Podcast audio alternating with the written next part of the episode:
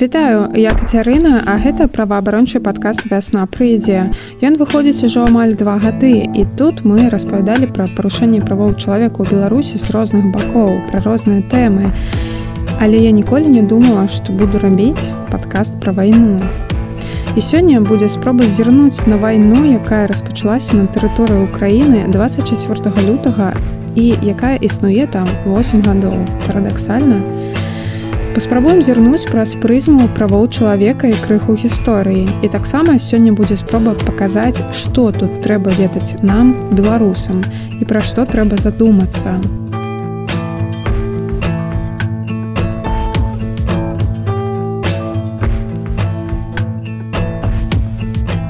Кожная моя раніца пачынаецца стандартна. Я лежачы ў ложку чытаю навіны і чаты. Так у адну з раніц я прачытала, што ідуць масавыя вопшукі і маіх паплечнікаў праваабаронцаў вясны затрымалі. Гэта было 14 ліпеня і некаторыя з іх сядзяць да гэтага часу. Гэта навіна доўга трымала, так бы мовіць, пальму першынства у сваім трэшы, але 24 лютага я прачытала, што пачалася вайна. Расія напала на ўкраіну. А мой знаёмы Яўген жыве ў Киеве.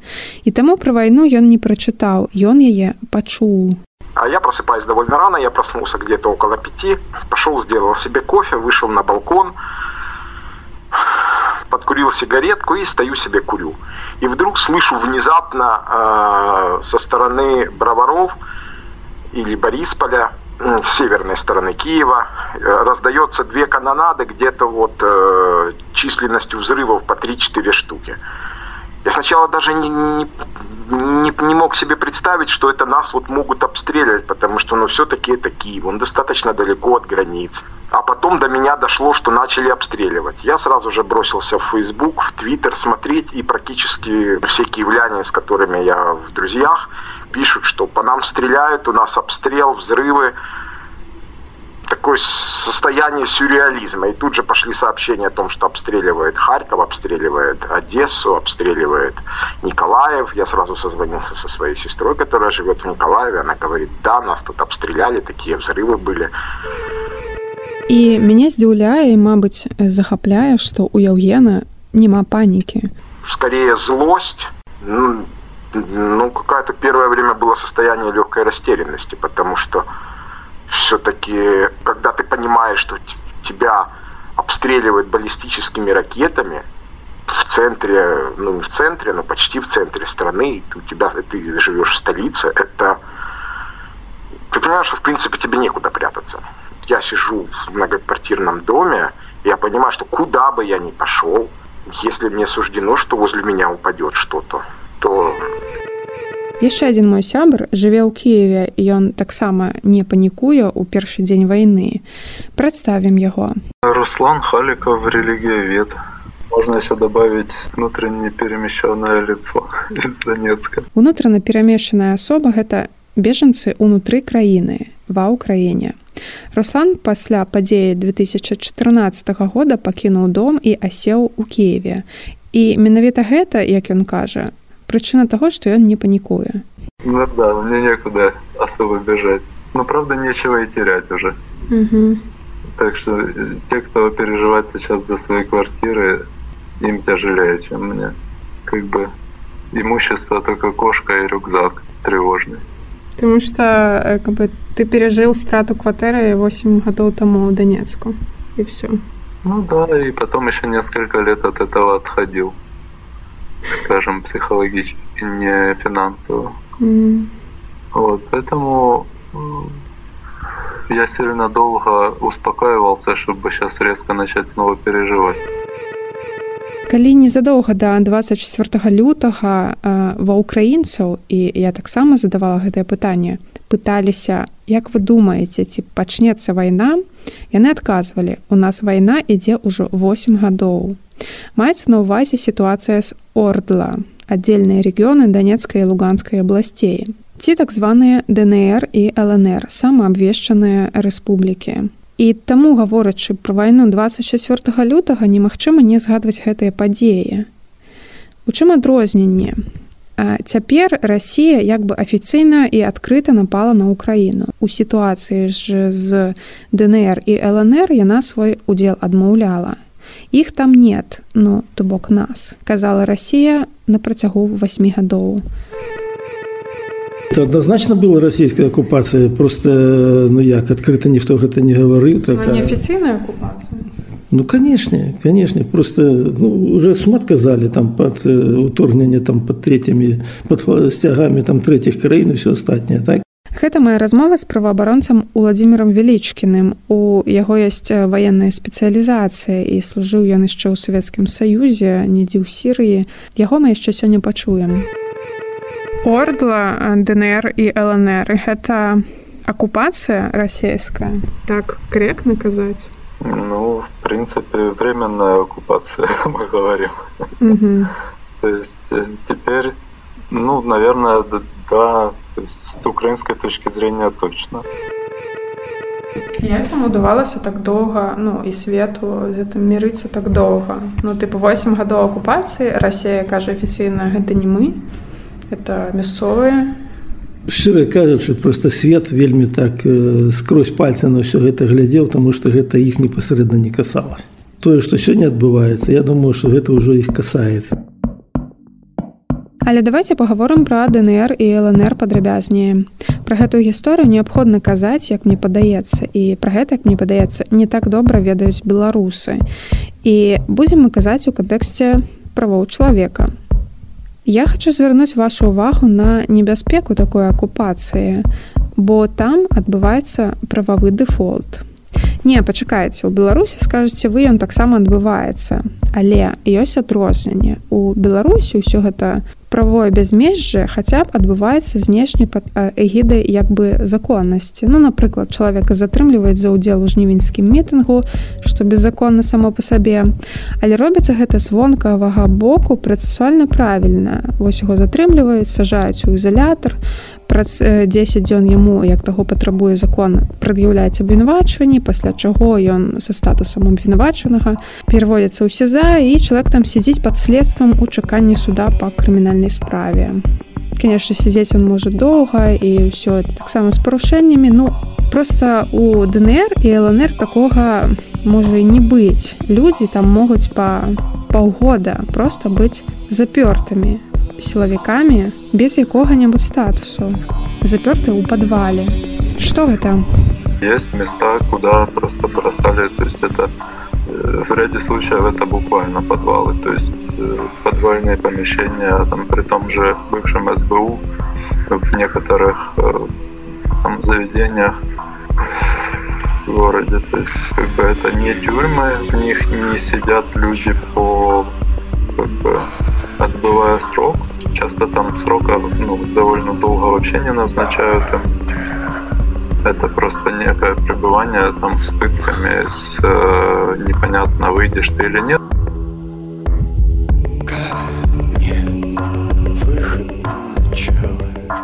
І самае складана ў тым, што на гэтых неафіцыйных тэрыторыях за прававы дэфолт няма каму адказаць.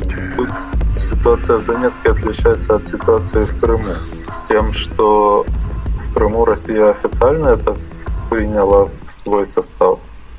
И, соответственно, они взяли на себя якобы уже соблюдение прав человека. То есть, ну, соблюдают они их или нет, это другой вопрос, но, по крайней мере, с Россией можно что-то потребовать. А в Донецке и в Луганске Россия же официально не брала эти образования в свой состав. Соответственно, они не принимали на себя и никаких обязательств. Хотя Украина э, считает, что Россия как, бы, как сторона, которая контролирует эти города и области, должна э, соблюдать там права человека как оккупант. Но тут мы с россиянами немножко расходимся в видении.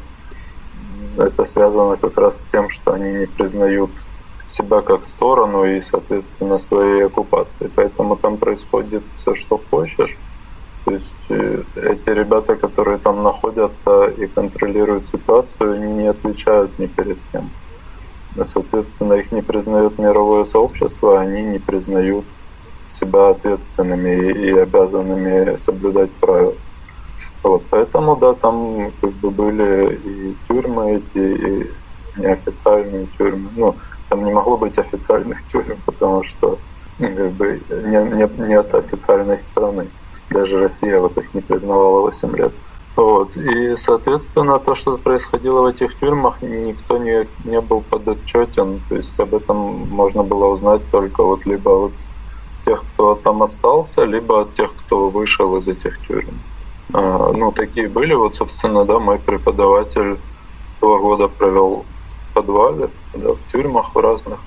Но не только он, то есть э, да, среди моих знакомых как бы несколько человек провело довольно длительное время. А, некоторых избивали и там вынуждали уехать из Донецка, не сажая в подвал, что тоже, в общем-то, нарушение прав человека. И вплоть до того, что не только про украинских, и в том числе и тех, кто выступал на стороне России, тоже некоторых отправляли на подвалы. Ну, это уже моих знакомых непосредственно меньше, но даже среди них есть такие. То есть люди, которые каким-то образом поддержали это движение, а потом не нашли общего языка с, то ли с русскими, то ли с лидерами. И тоже уехали на подвал, некоторые там уже и поумирали. Звярніце на гэта ўвагу. Дыктатура можа рэпрэсаваць не толькі сваіх праціўнікаў, але і тых, хто падзяляе яе ідэалогію. Потому что там нет такого особого распределения властей, чтобы кто-то контролировал силовиков, скажем. То есть э, ну, грабежей, отъема имущества, э, изгнания из помещений там было не меньше, и, в принципе, многих людей просто машины отбирали, не всех сажали в концлагеря. Незадоўга да 24 лютага Расія, ЛНР і ДНР прызнала. Ну і адпаведна пасля гэтага напала на ўкраіну.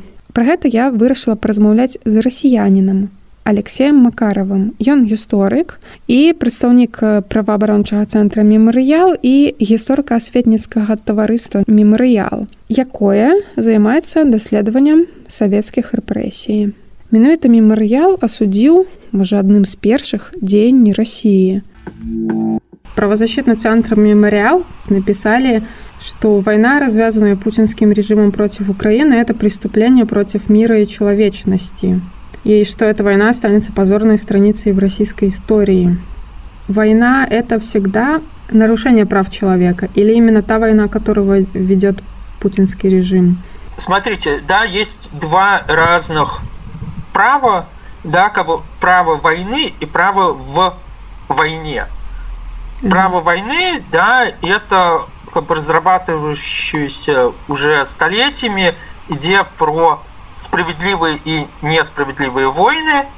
И в этом плане то, что сейчас делает Путин и российское государство, это само по себе преступление. Это агрессивная война. Даже в Российском уголовном кодексе есть отдельная статья, которая, к сожалению, не используется, да, призывы к развязыванию и ведению агрессивной войны. То есть, когда какой-нибудь телеведущий говорит, что а давайте нанесем там, ядерный удар по США или сотрем в порошок, да, то вообще-то это является уголовно наказуемым, подобного рода высказывания. Да, при этом, естественно, та война, в которой сейчас вынуждена участвовать Украина, да, она для Украины не является нарушением права сама по себе. Они обороняются. Mm-hmm. Они в своем праве. Если говорить о праве в войне, да, то, ну да, мы уже видим неизбирательные обстрелы. Россия говорит, что мы точечно выводим военную инфраструктуру, да, точечно ее уничтожаем, но все равно есть сопутствующие жертвы. Да, и надо понимать, что после того, как Путин в какой-то момент остановит войска, а в какой момент это никто не понимает. И мне кажется, что, э, условно говоря, докуда дойдем, до туда дойдем, надо начать движение, логика такова, то вот эта расширившаяся зона, которую не будет контролировать Украина, станет, станет ареной военных преступлений и нарушений права, которые, к сожалению, довольно сложно будет фиксировать, потому что, например, на территории так называемых ДНР и ЛНР уже лет пять практически не могут работать никакие журналисты, никакие правозащитники. Ни украинские, ни российские, ни международные структуры, да, и там как бы, ну, режим жесткий, да, и довольно много, например, там похищений и пыток, да, но подробности, к сожалению, довольно трудно фиксировать. И в распространившейся на новых территориях, да, к сожалению, скорее всего, все это продолжится.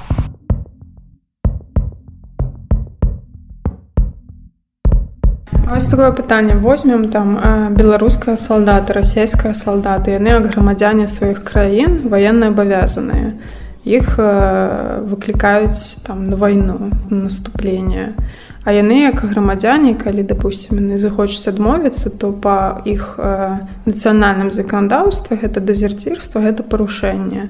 І ну тыпу як то набыць ці мы можемм казаць про тое что у улады нелегітымныя ці ці як? Як тут разобрацца ну это вельмі цікавае пытанне канешне. По-любому ну як калі табе призвалі войска ты мусіш служыць. Ось іншая справа что ты не мусіш выконваць злачынны загад. І нават у савецкія часы это было вядома что калі загад злачынны так то кожны з нас прынамсі савецкія часы ведаў что калі ты мне даешь такі загад я маю нейкія сумневы так напиши мне гэтую пісьму моей э, форме каб я гэтую паперу про сябе меў так.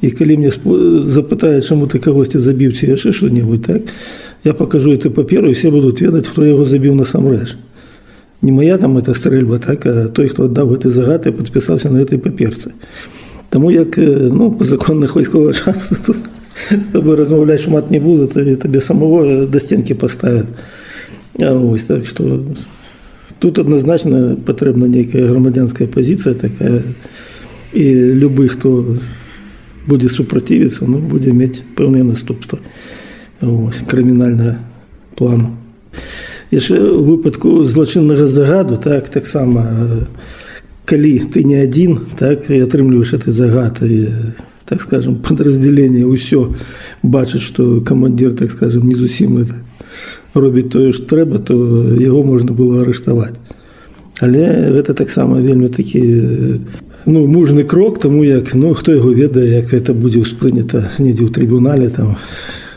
пазней ось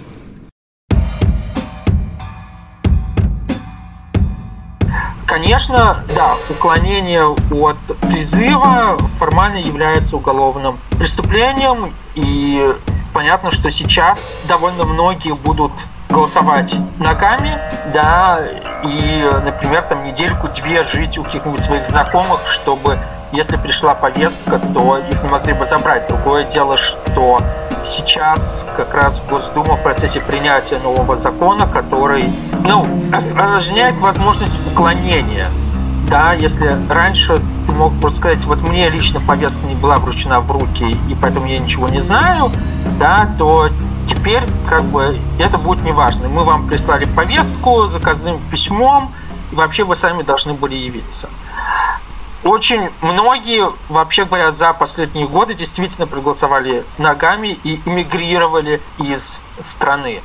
Но в целом, скорее, ну, это моя личная позиция, да, что скорее, да, надо уклоняться и потом ну, пытаться бороться с судом, если э, человека будут за это судить.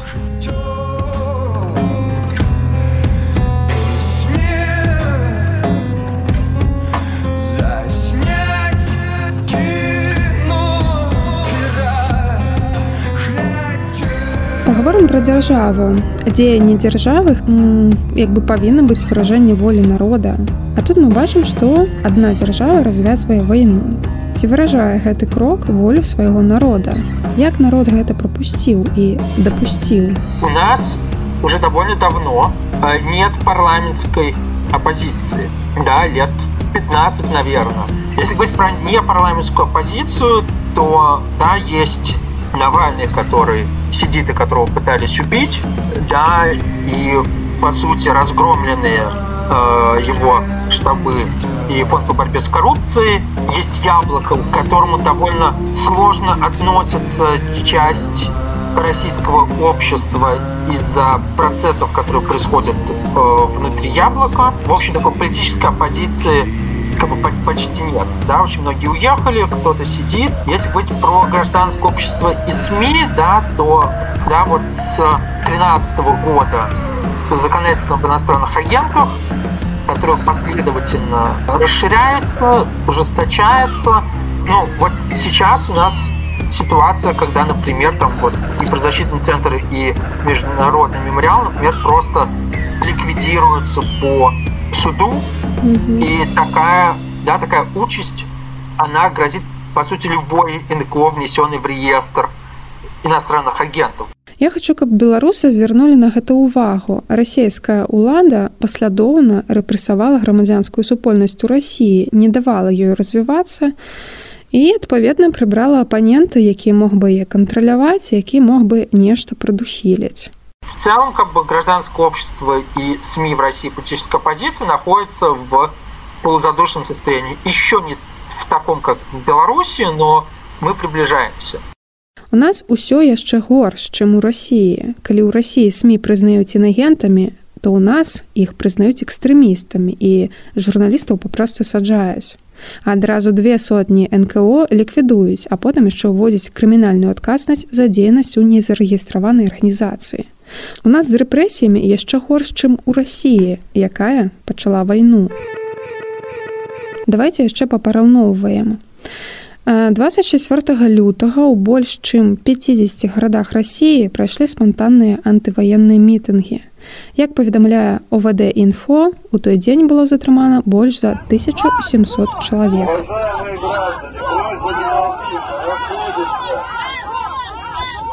Іх типа будут судить за что? За нарушение чего? Как бы? Ну, либо э, за нарушение как бы пандемийного законодательства, но я думаю, что в основном это участие в согласованном массовом массовой акции. 27 лютага беларусы ў беларусі выйшлі на акцыі пратэсту супраць вайны Гэта смелы крок Таму што ў Беларусі саджаюць нават не толькі за акцыі, але да несанкцыянаванага масавага мерапрыемства прыраўноўваецца любая дэманстрацыя пэўнага спалучэння колераў, нават на скуры у выглядзе татуіроўкі. Але ў якім сюррэалізме мы жывем, беларускі рэжым у імкненні задавіць любую крытыку ў адносінах да сябе шляхам забароны права на мірны сход, аказваецца у той сітуацыі, калі сілавікі затрымліваюць людзей на акцыях супраць вайны, дзе людзі выказваюцца за тое, каб на вайну гэтых самых сілавікоў не накіравалі. І ў Беларусі 27 лютага на антываенных мітынгах затрымалі не менш як 725 чалавек, пададзеных праваабарончага цэнтра вясна. Давайте зазірнем яшчэ ў адну суседнюю краіну, краіну, якая жыве па дэмакратычных стандартах у літву. 24 лютага ўвечары на антываенную акцыю ў вільні выйшлі тысячи людзей. Іх ніхто не затрымліваў, а паліцыянты ахоўвалі дэманстрантаў. Літоўцы могуць бесперашкодна выказваць сваё меркаванне, а свабода выказвання свайго меркавання на сходах дарэчы гарантаваныя да прыкладу міжнародным пактам аб грамадзянскіх і палітычных правах які Беларусь дарэчы падпісала і ратыфікавала яшчэ ў 1976 годзе паслухаем што гавораць літоўцы на акцыі Путина надо фактически на Гаговский суд приготовлять. Это убийство мирных людей – поддержим Украину, потому что это была свободная и должна быть свободная страна. Россия не права? А вы думаете, права? Я думаю лично, что нет, но я задаю вопросы. Ну, если здесь, так э, надо уже понять, что мы против таких действий. А вы жили, я так понимаю, при Советском Союзе? Жили, жили. Как там было? Как там было? Плохо было. Плохо было. Теперь везде можно ехать. Все может э, молодежь учиться где хочет. Э, нету границ, нету препятствий. А там было совсем по-другому. Это была оккупация тогда? Ну, Конечно, это было. Что же это было? Конечно. По-вашему. У нас была Литва независимая, и потом вдруг взяли и, как сказать, оккупировали. И 50 лет все припомнили, как жили, когда были войны.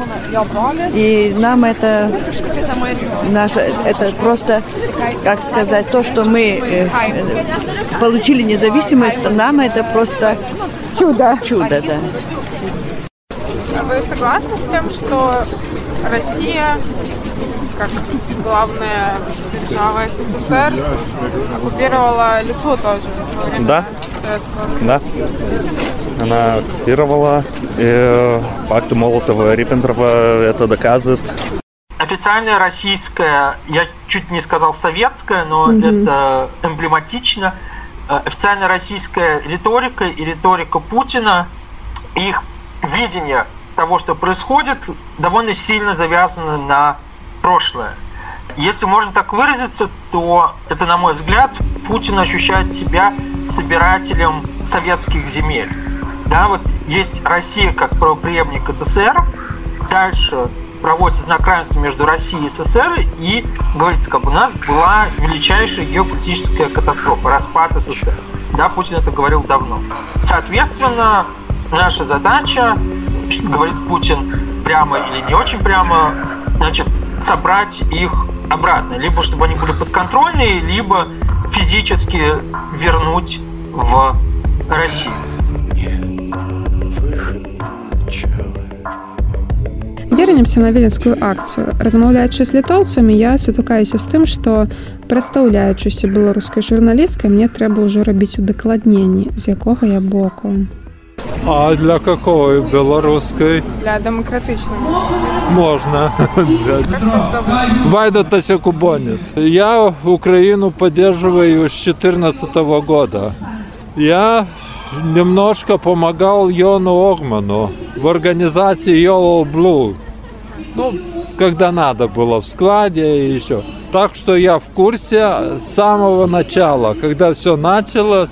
А началось в 2014 году, в конце зимы, когда кацапы отхватили Крым э, у украинцев. Так я все время интересуюсь, чуть-чуть помогаю некоторым волонтерам с Украины, там с Харькова, с других городов. Так что я более-менее так знаю. А ви з України? Так. А у Литві давно і чому? Ми з Луганської області, з окупованої території в Литву ми приїхали. Ну, чоловік приїхав в кінці 2014 року, я на початку 15-го. І за допомоги Путіна, яку він нам надавав, ми залишили свою домівку. В Луганській області ми покинули нашу хату. Як тут живеться у Литві? Ви змогли інтегруватися? Так, ми маємо роботу. Дякувати литовцям. Нас підтримували звичайні люди з самого початку. Було на початку дуже важко. Ну, зараз, зараз все було до сьогоднішнього дня більш-менш нічого, але тепер такі думки, я не знаю, що робити. Це найменше, що ми могли зробити. Ми самі не з Вільнюсю. Ми проживаємо ближче до Латвії, до кордону з Латвією. Ну, вирішили, що ми маємо хоча б сюди приїхати на пікет до консульства, до, посольства російського. Півдня тут простояли, звичайно, до нас ніхто не вийшов. Ну і залишилися на цей мітинг. А що б ви сказали, коли б я не вийшли з амбасади, з посольства?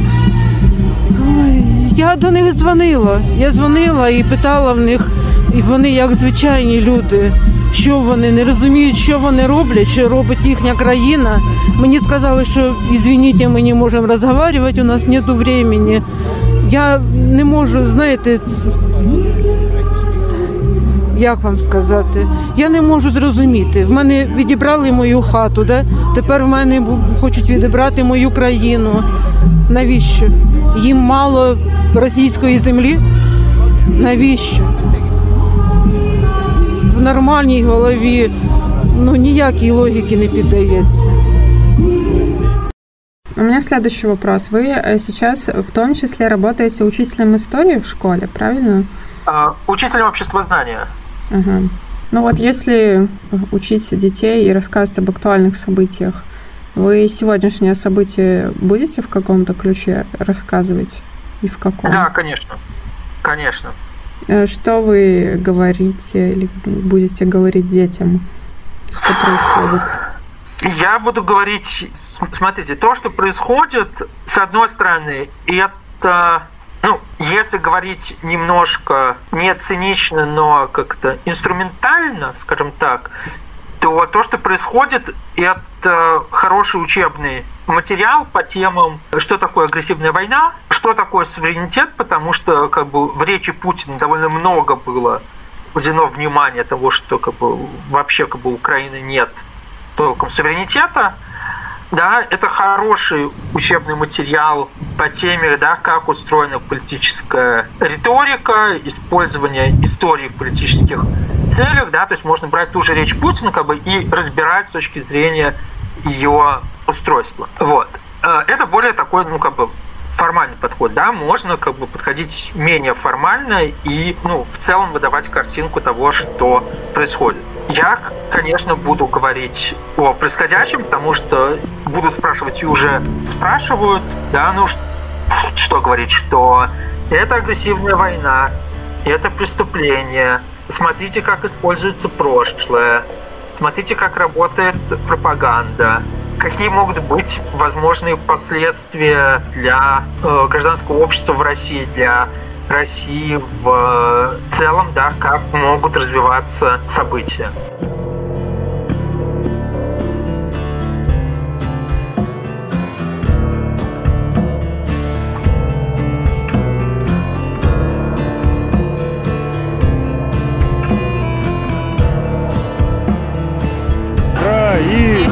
Еще такое питання. У гэтай сітуацыі як бы удзельнічае Беларусь. Як вы можете это оценить? Я боюся, що Білорусь вже завойована. Що Україна зараз ще бореться проти Росії. Ну я боюся, що Білорусія вже здалася. Ну якби страшно. Ну коли там вже російська армія, і яка пішла в наступ з території Білорусі на мою країну, то що з Білорусі? Жалко. Жалко молодь. Жалко звичайних людей. Дякую велике вам. Дякую вам, держіться, тримайтеся. Ви так само. дипломати і. І сюди тебе поступає у сцену. Україна!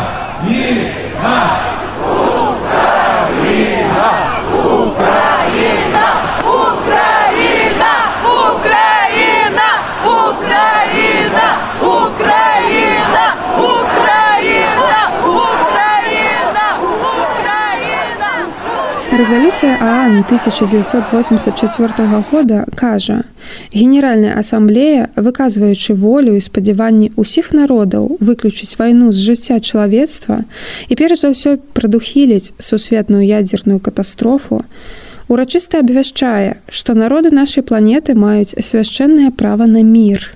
Падкрэслівае, што забеспячэнне ажыццяўлення права народаў на мір патрабуе, каб палітыка дзяржаў была зарыентавана на ухіленне ад пагрозы вайны. Расія і Беларусь разам з ёй усё гэта парушыла.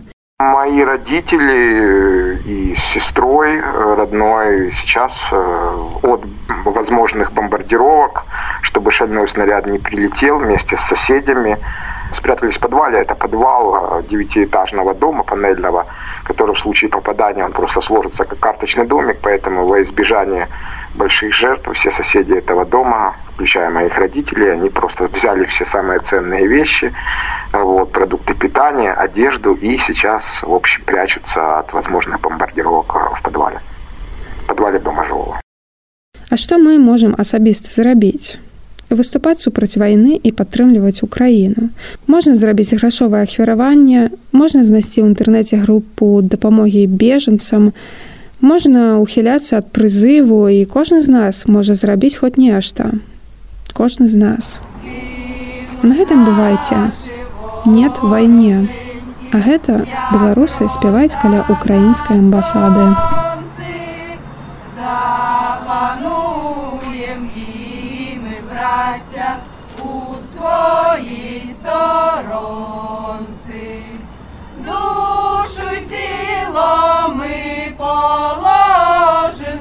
нашу свободу і покажем, що ми браття козацького роду. Душу тіло ми положимо за нашу.